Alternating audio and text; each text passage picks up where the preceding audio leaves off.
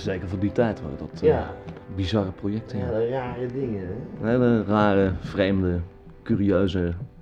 Eh, Gekke nu dingen. ben jij natuurlijk altijd al. eh, Ja, want het een beetje gezocht naar, naar het wat apartere, ja. Ja. Ja, dat is absoluut waar, ja. Maar dat, daar ben jij ook eigenlijk pas mee begonnen op het moment dat jij ging samenwerken met eh Chris Open. Met, met Chris Oakland, ja, die heeft me eigenlijk als het ware de ogen daarvoor geopend. Ja. Een hele invloedrijke man in mijn leven geweest. Ja, Chris Oakland, eh, eigenlijk heette die eh, Max Boer. Max Boer, ja. Ja. Maar iedereen kent hem natuurlijk gewoon Chris als eh, Oakland. Chris Oakland, ja. ja, die had in die tijd een LP. Dat Hm. was natuurlijk ja, dat was een, geweldig LP. Ja, dat is in die een, tijd. Zeker voor die tijd. Roses. zeker voor die tijd een hele, hele, bijzondere, hele bijzondere LP. Ja. Die toch zijn invloed tot op de dag van vandaag doet gelden. Ja. Dat is Chris Oakland. Ja, dat is een onvergetelijke figuur natuurlijk. ja, er zijn ho- 101 eh, anekdotes over Chris. Ja, en nog wel meer, denk ik. Ja. Ik denk dat dat een bijna onuitputtelijk eh, vat van anekdotes eh, is. Chris Oakland. Een hele, hele indringende persoonlijkheid Ja. natuurlijk. Absoluut, ja. Ik ben natuurlijk ook een hele eigen invloed Ja, op zeker. het hele gebeuren in Sittard. Ja, dat, kijk, Sittard, hij heeft Sittard op de kaart gebracht natuurlijk. Ja. Kijk, vroeger eh race je met je autootje als het ware door. Hè. Als je kom je uit het noorden en dan Ja. ging je naar het zuiden. En dan eh, ging je naar Maastricht of je ging naar Luik of weet ik veel wat. En uh, Sittard, dat, dat reed je voorbij. Maar Ja. toen Chris Oakland daar de boel op poot had gezet, ja, toen was het afslag Sittard voor iedereen natuurlijk. Ja. Dat, waren, dat ging dan door tot in de kleine uurtjes, mogen we wel zeggen. jongen, jongen. Hm. Ja, en daarom natuurlijk ook eh, extra jammer. Ja, wat is hij nu? Hij, eh, het laatste wat ik eh, gehoord heb, zou hij in Frankrijk zitten. Ja. Er zijn hele vage verhalen daarover natuurlijk. Want ja, hij is verloederd naar het schijnt. En, vrijwel onherkenbaar. En hij leeft als een soort bohemien. Als een soort vagabond. Ja. Op de rand van clochard zijn eigenlijk. Die verhalen doen dan de ronde. Dat is natuurlijk eh, heel, heel pijnlijk. Dat is wel jammer. Ja. Heel pijnlijk, ja. Je hebt een, eh, een stuk van hem uit de kast gehaald. Ik heb van de planken getrokken, ja. En daar, eh, daar wil jij iets heel moois van gaan maken. Mm. Nou, het lijkt mij gewoon tijd om, om het eerbetoon aan, aan Chris Oakland gewoon eh, gestalte te geven. En eh, dat stuk, dat, eh, dat hebben we destijds alles geprobeerd op de planken te krijgen. En dat, dat is een ontzettende flop geworden. Dat is eigenlijk niet eens uitgevoerd. En dat was een, een periode van ongelooflijk veel ruzie en trammeland en aanvaringen met Chris en mij. Maar ja, ik denk dat ik nu ook wel zover, zover ben om het werk van Chris zijn volle waarde te geven. Dus we gaan het na de letter spelen. Hmm. Dat wordt natuurlijk een heel bijzonder project. Nou, dat, eh, dat houden we allemaal maar. Ehm, ja, ondertussen is jouw dochter nog steeds niet gevonden. Nee, die is, eh, ja, ik, eh, radeloos zijn we thuis. Ja. ja, ja, we Ja, zitten dat duurt helemaal... nu al, al zes maanden. hè? Dat duurt nu iets meer dan zes maanden, ja. En taal nog teken.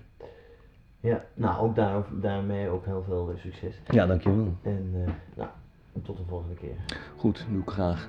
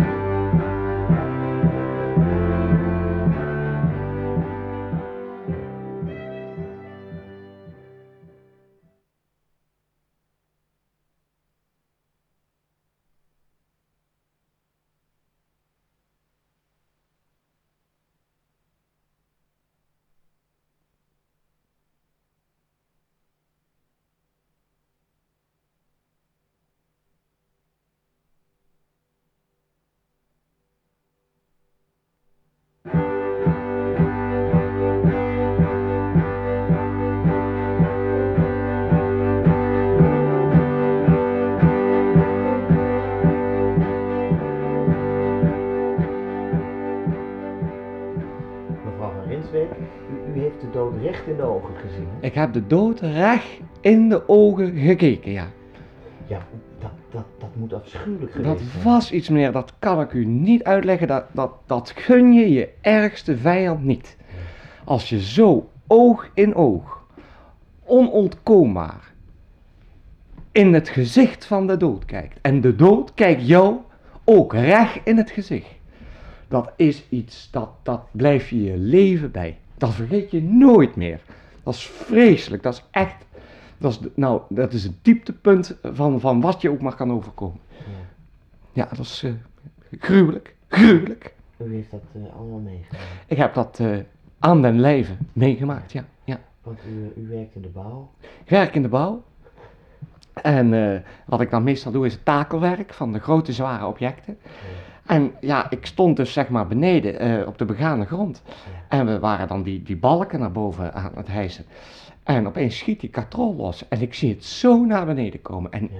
op dat moment, op het mom- moment dat die balken losschieten, kijk ik zo, recht, knalhard, de dood in zijn ogen. En hij mij. Nou, dat Was is, hij? het was een hij, ja. Voor mij was het absoluut een hij. En dat, nou, wat er dan met je gebeurt, dat is, dat, nou ja, ik, ik, ik vind daar geen woorden voor. Dat is, ja, nou, zoals ik zei, ik vind daar geen woorden voor. Het is iets onbeschrijfelijk gruwelijks. Onbeschrijfelijk gruwelijks. En dan is het net, die balken kwamen, dat duurt uren. Dat duurt uren. Het is alsof je uren, wat zeg ik, jaren met de dood, als het ware met de blikken aan elkaar gekoppeld, gesloten met zware sloten, niet meer wegkomt uit die blik van de dood. Geketend aan de dood. En dat duurt voor je gevoel eeuwen. Ja. Eeuwigheid duurt dat. En, en heeft u daarna met, mensen daarover kunnen praten? Helemaal niemand. Helemaal niemand begreep wat dat voor mij heeft betekend. Dus u voelde zich ook heel erg onbegrepen. Ongelooflijk isolement en eenzaamheid waar je dan in terechtkomt. Dat is bijna net zo erg als, als we zeggen, die, die, die, die, die, die, die symbolische periode van eeuwen. Dat je die dood in de ogen kijkt en hij jou. Wat er daarna komt, het isolement, omdat je het niemand kan uitleggen. Je kunt het niemand uitleggen. Je kunt het gewoon niemand uitleggen. Niemand begrijpt het, je kunt het niet uitleggen. Dat isolement, dat is eigenlijk gewoon een doorzetting van dat gruwelijke gevoel. Wat je had op het moment dat je de dood recht in de ogen keek en hij jou. En dat is, ja, dat is verbijsterend. Dan ga je helemaal kapot. Daar ga, ga je helemaal aan onderdoor. Het is nu eh, twee- 23 jaar geleden. 23 jaar geleden, ja. ja. Eh, en nog steeds achtervolgt dat gevoel. Ja, de dood als het ware achtervolgt mij. Ik heb het gevoel alsof hij... Ik kijk hem niet in de ogen. Dat, dat, dat, dat is niet meer zo. Dat is dat moment, wat dan eeuwen lijkt te duren weliswaar, maar als dat dan eenmaal voorbij is, de dood heb ik niet meer in de ogen. Maar het is net alsof hij de hele tijd vlak achter me staat. Alsof de dood, als het ware, op het punt staat om me op de schouder te tikken. En dat ik me dan omdraai. En dat ik hem dan recht in zijn ogen kijk. Nou, en dat is een, dat is een, dat is een gevoel, meneer. Dat is, dat is gruwelijk. Dat is gruwelijk. Desalniettemin eh, ehm, bent u nu van plan om eh, weer aan het werk te gaan. Ja, ze zeiden destijds tegen mij, je moet eigenlijk meteen weer aan het werk gaan. Hè, want je had natuurlijk toch een angst. En die moet je overwinnen. Je hoort het ook wel zo'n glazen wassers die dan van, van vier hoog naar beneden kletteren. Dat ze dan meteen weer naar boven moeten. Zeiden ze tegen mij ook, heb ik niet gedaan. Ik was te veel overstuur. En dan is er toch iets wat je dan mist in je leven. Je hebt dan te veel tijd over om, om als het ware steeds weer terug te gaan naar dat moment waarop je de dood recht in zijn ogen kijkt. En dus denk ik nu dat het misschien beter is als ik toch weer aan het werk ga. Ja. En ja, niemand wil het. Nee, want eh daar is vanuit het, het werk niet zo heel positief op. Nee, nee, die moest, die moest er niks van weten. Die moest er niks van weten. Nee, want dan kwam zij weer met haar verhaal over de dood. En dat is vreselijk natuurlijk, want da- dan blijf je in dat isolement en dat is, dat is gruwelijk. Dat is, dat, is, dat is horror, meneer. Horror. Maar ja, ik probeer het nu in het buitenland ook, maar eh, ze willen me nergens hebben. Het is alsof het zich als een lopend vuurtje door de hele bouwwereld heeft verspreid. Van neem, neem haar niet, want eh, ja. Dus ja, eh, misschien een ander vak leren. Nou, eh, we wensen u in elk geval heel erg veel succes. Ja. En eh, luisteraars, als u het herkent, kunt u natuurlijk bellen. En, ehm, Ik zou, ik zou heel graag mensen ontmoeten die diezelfde ervaring natuurlijk eh, ook hebben gehad. Hoewel het waarschijnlijk niet is uit te leggen hoor. Nee. Waarschijnlijk is het absoluut niet uit te leggen. Dat je, Dat, dat dat moment dat je als het ware oog in oog geketend staat met de dood. Ja. En dat duurt eeuwen, dat moment. Eeuwen. Nou, laten we maar eh, snel afsluiten. Dank u wel. Heel graag gedaan.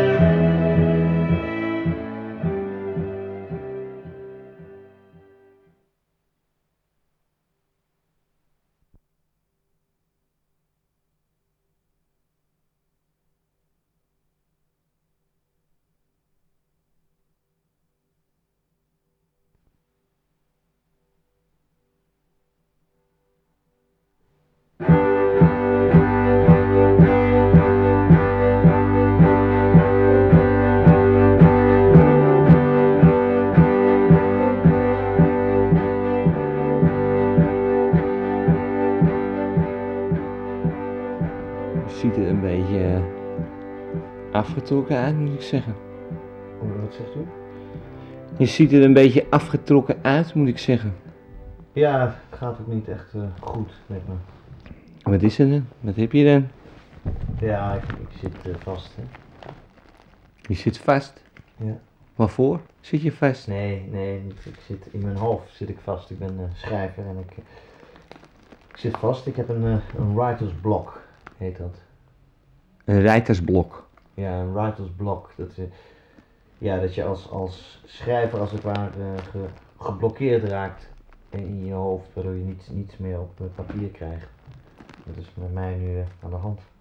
Dus, dus zeg maar, je, je hebt niet, geen fantasie meer of zo. Nee, nou precies, ja, zo zou je het, zo zou je het kunnen zeggen. Wat voor boeken schrijf je dan? Eh, de novelles, korte verhalen. En wa- wat, wat, een detective of zo? Of wat? Nee, nou, ja. ja. Geen detective. Nee, geen detective, nee. nee het is meer... Wild West verhalen of wat? Nou, nee, ook dat niet. Meer, ja, moet ik zeggen, verhalen van alle dag. Hè? De dingen die je om je heen ziet. De dingen die ik zie en, en wat ik daarover denk, dat, dat, dat schrijf ik dan op. Maar op het moment eh, Zie je niks. zie ik niks meer. hè. Dat, eh, Maar eh, vast. Kun je er niet bijvoorbeeld eh, over, eh, over vroeger schrijven of zo? Wat je ooit hebt meegemaakt of zo? Ja, weet u, ik, ik probeer dat dan wel. Ja. En dan schrijf ik twee regels op en dan, ja, dan deze keer terug en dan walg ik ervan. Walg ik van wat ik geschreven heb. God, misschien eh, is dat in, in uw ogen allemaal, klinkt dat allemaal misschien heel erg vreemd, maar Nou, nee, ik heb, dit, het ik heb dit ook wel eens, dit soort dingen. Heb ik natuurlijk ook wel eens, dat ik het eh, van zie zitten of zo. Maar ja, je moet gewoon aan de slag natuurlijk. Kijk, er moet brood op de plank komen, dus je gaat gewoon toch aan de slag. Maar wat doe jij dan? Wat doe jij is het dan? heel moeilijk, omdat ik, ik ben een schrijver, ik ben afhankelijk van mijn, mijn intuïtie, mijn, mijn gedachten, die moet ik, die moet ik eh, weten te, te, te structureren en anders dan, dan, dan, dan kan ik niet werken. En wie leest dat dan? Wie leest dat dan? Wat jij, wat jij dan opkrabbelt in, eh, in, je, in je zolderkamer Nou, of ik, heb nog waar? niet, ik heb nog niet zo heel veel eh, uitgegeven, maar ik eh Je hebt nog niet zoveel uitgegeven. nog wel dat het... Maar je hebt wel een rij, rijtersblok. Je hebt nog geen reet uitgegeven, ja, nou, maar je... Dat staat daar los hey, van. kijk me even aan, kijk me even aan. Je hebt, een, je hebt niks uitgegeven, maar je hebt wel een rijtersblok. Dat begrijp ik net goed. En het is zelfs zo erg dat je 20 pilsjes op een dag drinkt. Ja, misschien is dat voor u allemaal eh, gesneden koek wat eh, dat drankgedeelte betreft. Maar Dit kun je wel stellen, ja. Dit kun je wat, wel. wat doet u als ik mag? Wat? Ik zit in de bouw, of ik zat in de bouw eigenlijk. Ik heb nou eh, een beetje in de ziektewet. Ik ben een beetje door mijn rug gegaan. Ik had een, ik had een bildersblok. had ik. U werkt in de bouw. Nee, werkte in de bouw, ja. U, eh, Ja, huizenbouw. u weer aan de slag? Wat is er met uw rug? Daar ben ik doorheen gegaan, ja.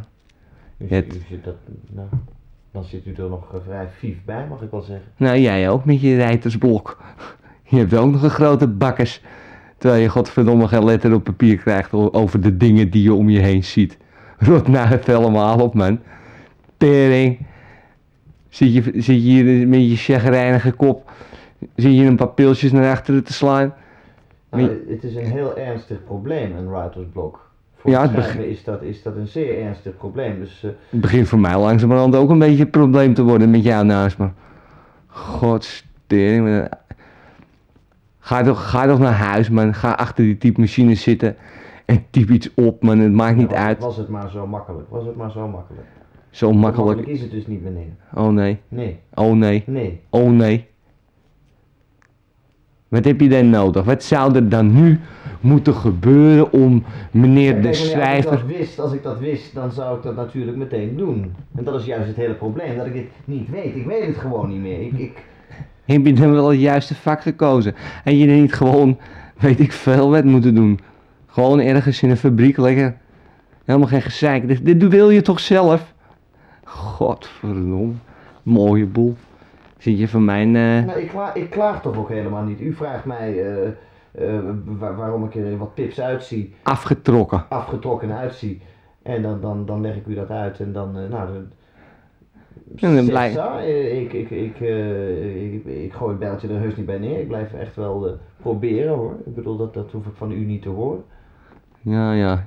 Jij, jij, gaat wel door. Je bent een winner. Hè? Je bent een eh diehard. Meen je? Of niet? Hé, hey, kijk me van. Kijk me van. Je bent een diehard, of Nou, nee, niet? dat zijn allemaal uw woorden. Eh, misschien is het beter als u me met rust laat. Hè? Dan drink ik mijn pilsje, dan drinkt u. Dit is wel mijn café. Als u iemand, iemand met rust laat, dan ben jij het. Anders eh, weet ik nog wel wat. Dan zullen we die rijtersblok even uit je kop slaan, ja? Dus ik zou zeggen, huisje, huisje toe, hè? Hé, hey, huisje, huisje toe nu, hè? Laat het pilsje maar staan. Zeg, nee, zeg. Huisje, huisje toe nu, hè? Of niet? Nee. Nou, kom Zeg, op. Huisje, huisje toe. Eruit, jij. Eruit. God! Eruit.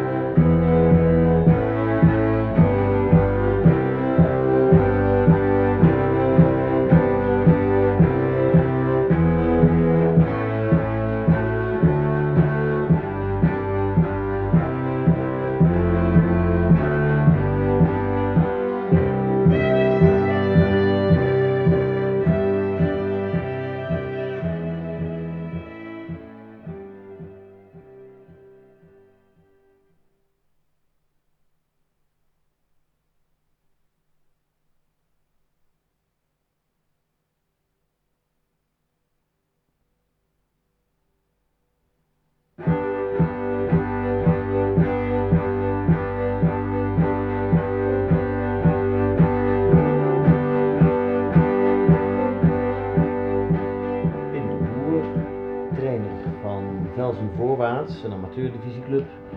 Ehm u heeft eh, vorige week nogal opzien gebaard door in het eerste elftal van uw club op te stellen de heer Bilderdijk. Ja. Nou is de heer Bilderdijk 73 jaar, eh, eh, slechtziend en heeft eigenlijk zijn hele leven nog nooit gevoetbald. Ja, eh, aan de andere kant eh, natuurlijk een man met een ongelooflijke levenservaring, een eh, ongelooflijke background. Ja. en ik was ervan overtuigd dat hij met, met, met die levenservaring het elftal naar een, net dat, dat beetje extra zou kunnen geven. Ja, nou dat was natuurlijk niet helemaal het geval. We, we hebben de wedstrijd bijgewoond. Ja, wat wij hebben gezien eigenlijk is een, een, een wat verwarde oude man die over dat veld eh, doelloos eh, wat, wat heen en weer zwalkte. Ja, En al ja. heel vroeg in de eerste helft ging liggen. Ja, maar dat, dat, dat zegt u nu zo, maar wat natuurlijk ook. kijk, de verwarring die dat zaaide bij de tegenstander was natuurlijk Ja. zeker in de eerste helft Ja. In ons voordeel. En we hebben de nul eh, vast kunnen houden. En, eh, Ja, maar hij is, hij is, hij- de, de heer Bilderdijk is eigenlijk eh, na 10 minuten gaan liggen. En is ook in de rust op het, op het veld blijven liggen. Was, Ja. was dat een bewuste keuze? nee, het verraste ons ook heel erg hoor. Het verraste ons ook heel erg. En kijk, de vraag is natuurlijk als iemand na 10 minuten gaat liggen. wat doe je dan als coach, als, Ja.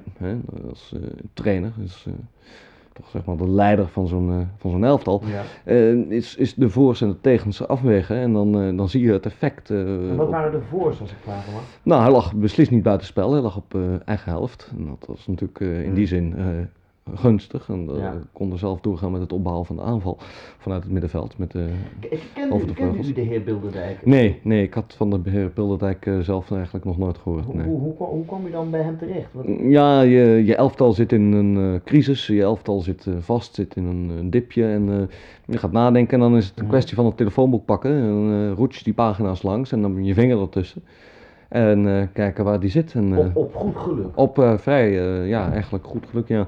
En dat bleek En dus, toen kreeg u contact met de heer Bilderdijk. Bilderdijk, u, die heeft ja. u gevraagd of die... dus vorige week in de wedstrijd zou kunnen verschijnen. en die wilde dat. En die wilde dat dolgraag volgens zijn dochter, ja. Ja. ja en dat, de heer we- Bilderdijk zelf heeft niet ge- gesproken met u, omdat de heer Bilderdijk is, heeft niet meer het vermogen. Eh, nee, inderdaad. De heer Bilderdijk leidt aan een, een, een fase van eh, Alzheimer eh, waar de afasie intreedt. Dat wil zeggen Mhm. dat eh, de gedachten er nog wel zijn, maar niet om te zetten in eh, motorisch taalgedrag. toch, En- toch niet de meest voor de hand liggende keuze om, om nee, maar ook expres. eh, voetballer in een- ja, maar misschien ook, ja, maar misschien is dat ook wel mijn eh, filosofie verraste tegenstander waar je kunt. En eh, in, in die filosofie Ja. was de heer Bilderdijk de ideale eh, toevoeging aan ons elftal. U heeft eh, in het verleden vaker geprobeerd om, zoals u het zelf noemt, de tegenstander te verrassen Ja. met, met minder voor de hand liggend spelersmateriaal. Ja, dat. Ja. Eh, dat heeft in het verleden nogal eh, vaak ook nog heel bizarre tafereelen opgeleverd. Nou ja, wat iedereen zich natuurlijk nog herinnert is het, de keer dat ik elf wasmachines op het veld heb gezet. En, eh, en ook toen hebben we tot eh, de rust de nul weten te vast te houden, omdat de tegenstanders eh, volkomen verbijsterd waren en eigenlijk weigerden af te trappen. En dat, heeft, eh, dat is die vereniging op een boete komen staan. En eh, ja, zo zijn er meer dingen geweest. En het een heeft eh, natuurlijk meer succes dan het ander. En het is een gok die je neemt, maar die voor mij het trainersvak ook extra waar, aantrekkelijk waar maakt. heel veel mensen natuurlijk over gevallen zijn. Ja, dat klopt. Ja. was, Dat is absoluut de zo. wedstrijd die u tegen het eerste elftal van Ajax mocht spelen. Ja, een ja. wedstrijd voor het Ajax elftal. Ja, precies. Ja. Toen heeft u één gehandicapte jongen op het veld gelicht. Ja. En Ja. dat was eigenlijk alles wat Ja. u als, als, als Ja, op een eh, brancard, hè. Ik bedoel, hij lag eh, comfortabel. Maar eh, inderdaad, dat, dat was een zet mijnerzijds. En ook weer een gok natuurlijk, maar ook toen hebben we de eerste zes minuten de nul kunnen vasthouden. Uiteindelijk heeft Ajax die wedstrijd met 162-0 gewonnen. Dat klopt, ja, maar voor mij tellen dan toch de positieve momenten. Hè? Da- daar gaat u ook mee voort. Daar ga ik mee voort natuurlijk. Je kunt Nou, ze maken, maar eh, bent u nog wel even bezig in de voetballerij. Ik wens u daar erg veel succes mee. heel vriendelijk bedankt. Eh, en erg veel eh, succes met de wedstrijd volgende week. Ja, En misschien zie ik me nog wel eens een terug hier in de studio. Dat zou hartstikke leuk zijn. En Lijkt dan, mij ook, eh, Dan doen we nog eens dingetjes over. goed hoor. Dank u wel.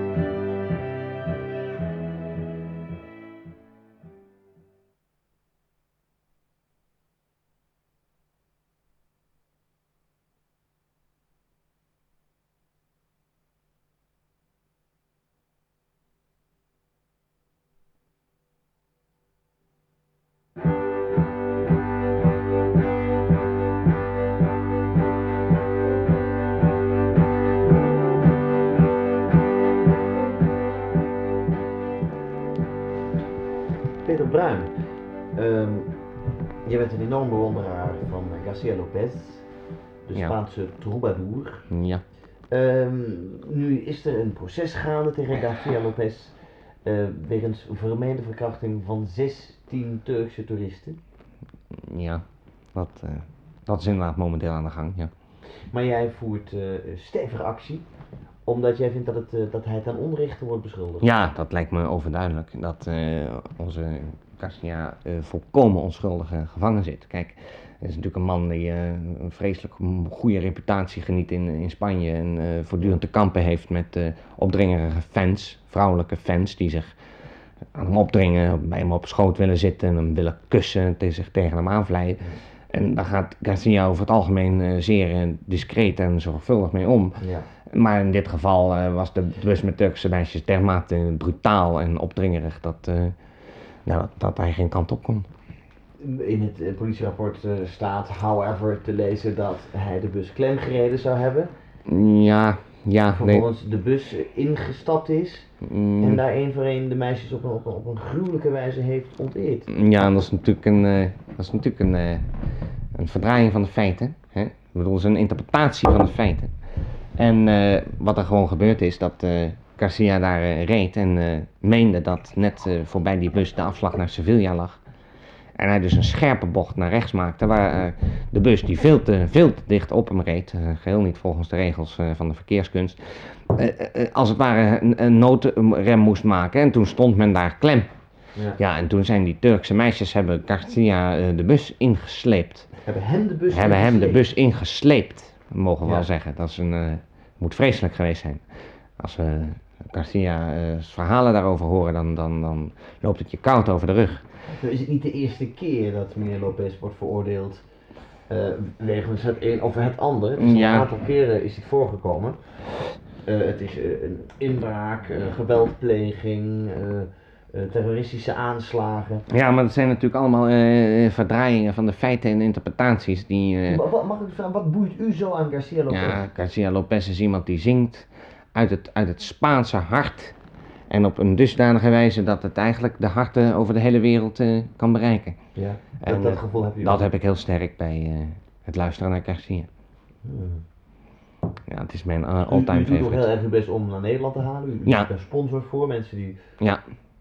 Er is helaas geen belangstelling voor tot op heden. En men vindt dan toch dat Garcia Lopez te veel Spaans zou zijn. Hè, dat is natuurlijk... Ja. eh, En bovendien heeft Garcia Lopez nog geen enkele eh, eh, echte plaat op de markt gebracht. Want u spreekt van een goede reputatie in Ja. Spanje. ja, de, we hebben in, in Spanje, in Barcelona, mensen geïnterviewd op straat. Er is eigenlijk eh, hoegenaamd niemand die ooit van Garcia Lopez gehoord nee, heeft. maar dat past natuurlijk in het hele plaatje van een voortdurend... Zijn echte naam is ook niet Garcia Lopez, is het wel. Eh, hij maakt gebruik van een eh, artiestennaam, dat, eh, ja, maar, Maar dat is, doen is ook zoveel. geen Spanjaard, meneer. Nee, maar god, ja, Danny Christian is ook geen Nederlander, hè. Ik bedoel, noem maar eens wat, Donald Jones is Maar ook geen Nederlander. natuurlijk gewoon om uw broer. Mijn, ja, nou ja, ja, ja, mijn broer heeft inderdaad in, in Spanje. Maar waarom dan deze hele façade? Wat, uw broer Nee, heeft dat is is gewoon, gegaan in, in, in, in Spanje aan een bus Turkse toeristenmeisjes. Nee, en- en- is, en is onteerd en gewelddadig verkracht door 16 Turkse snolletjes. En eh, meer woorden wil ik er eigenlijk niet aan vuil maken. Eh, eh, en dat mijn broer toevallig onder een Spaans pseudoniem eh, roem en eer verwerft in het buitenland. Ja, Dat men en dat, dat men dat hier niet kan hebben. Dat men nou hier dan weer met dat pissige Hollandse gezicht tegenover moet gaan zitten. En het mijn broer misgunnen. Ja, kijk, daar worden we natuurlijk allemaal helemaal knettergek van. Hè? Dat is precies de manier waarop je een hele samenleving naar, naar God helpt. Dat, dat, Dat ben ik van dat het overtuigd, een- ja, Dat het ja, een, ja, een, is van de maatschappij tegen uw Heel, heel duidelijk. Heel duidelijk. Van Spanje tot hier aan toe. Tot in Turkije blijkbaar. En waar komt dat dan vandaan? Komt dat dan uit het niets? Is dat dan eh, iets, iets wat, wat, wat zomaar uit de lucht gevallen? Plotseling heeft iedereen een hekel aan uw broer en is uw broer het doelwit van allerlei... eh, Oh, ik sluit niet uit dat bepaalde figuren daar eh, de nodige zetten voor hebben gedaan. Wie, Om wie, deze, wie, deze sneeuwbal te laten rollen. Wie? Wie? Nou, ja. Ik weet niet eh, of ik dat nou hier wil zeggen, maar. eh, Albert weet heel goed eh, wie ik bedoel. Albert. Ja, meer wil ik er liever niet over zeggen.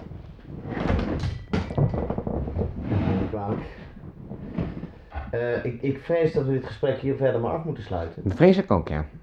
Want we komen zo natuurlijk niet echt verder. Eh, wat mij betreft is Jupoe gewoon een misdadiger en verdient hij elke straf eh, die ze hem maar willen geven.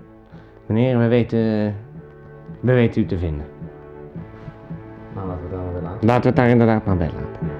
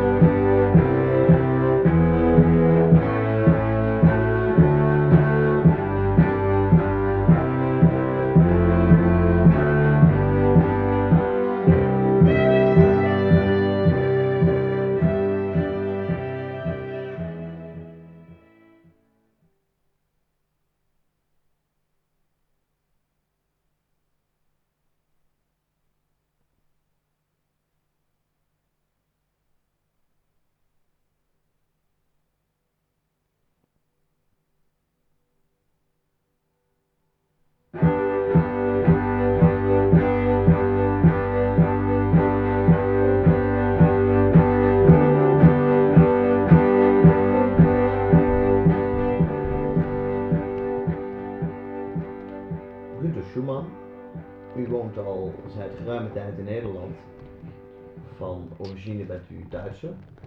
Mhm. En u eh, heeft hier in Nederland de afgelopen tien jaar een reputatie opgebouwd als amateur-aborteur. Ja, dat, eh, dat is eh, correct, ja. Ja, hoe, hoe bent u daartoe gekomen? Hoe, Ja, dat is eigenlijk heel, heel stom toevallig. Als liefhebberij, als hobby is dat begonnen. Ik had in dat tijd diverse vriendinnen en daar gebeurden wel eens ongelukjes. En eh, dan zwangerschappen. zwangerschappen, ja. ja, En dan wilde ik dat kind niet. En dan was ik natuurlijk gedwongen om als het ware mijn, mijn hobby als het ware ten uitvoer te brengen. ja, hoe was dat in die, in, die, in die beginjaren? Ik kan me voorstellen dat u toen nog niet eh, de Nee. ervaring had die u nu heeft. Nee, nee, nee, je maakt ontzettend veel beginnersfouten. Dat is eh, ongelooflijk. eh. dat duurt echt 50, 60 abortussen voordat je daar een beetje, een beetje eh, weet hoe dat werkt en waar je op moet letten. In het begin is ontzettend veel dat je niet denkt aan steriel zijn of je laat, eh dus er ontstaan ontstekingen of je laat voorwerpen achter of je, eh, Ja, ja, dat, veel, dat kwam voor. dat kwam voor, ja. Veel bloedverlies, ook heel veel bloedverlies in de eerste gevallen, ja.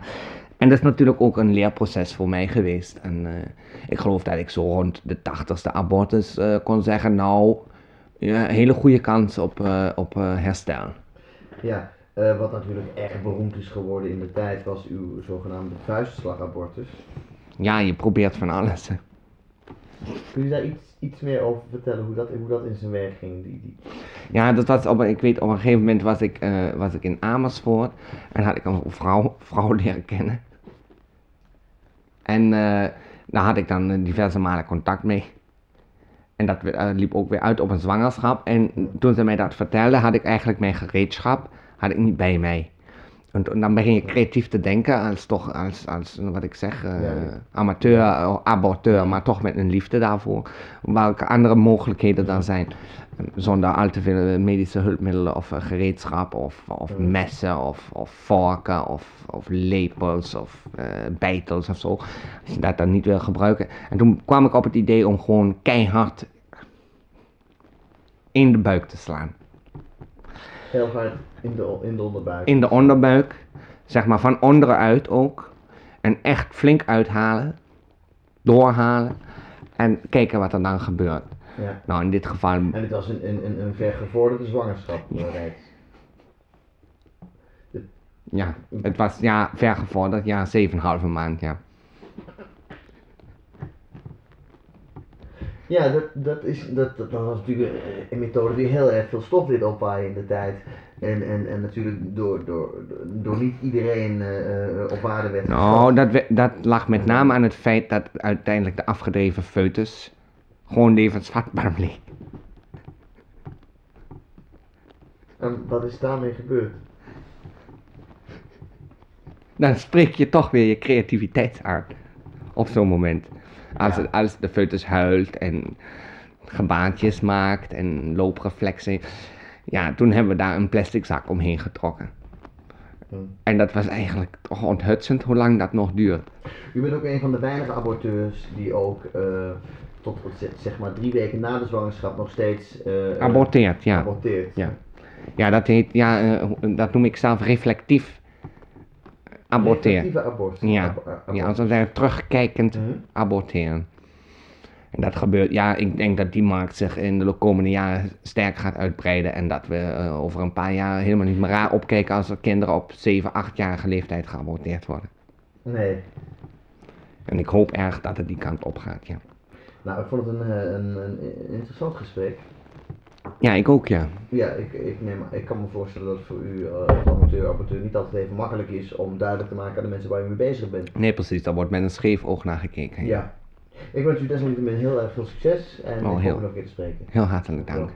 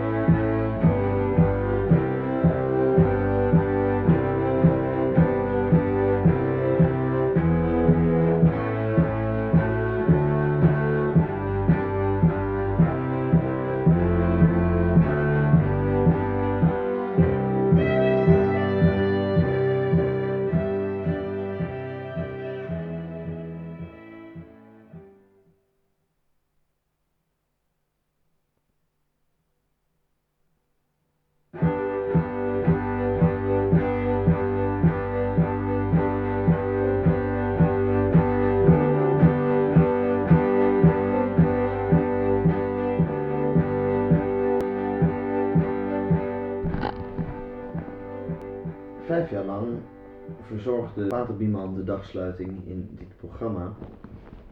En deze keer doet hij dat voor de allerlaatste maal. Pater Bieman, u, eh, u houdt mee op. Ja, ik, eh, ik, hou het, eh, ik hou het voor gezien, ja. En wat de radio betreft. Wat de radio betreft, ja. Verder gaat u natuurlijk gewoon door. Natuurlijk, ja. Ik, het zou, het zou niet eh, als Pater Bieman zijn om nou opeens eh, de hele boel in de wilgen te hangen. Maar ik eh, besluit wel om de radio dan voor nu in ieder geval vaarwel te zeggen. Nou, dan zijn we allemaal erg benieuwd naar uw allerlaatste dagsluiting. Ik geef het woord aan Pater Bieman. Goedenavond luisteraars. We naderen weer het einde van een dag. Een, een lange dag mogen we wel zeggen.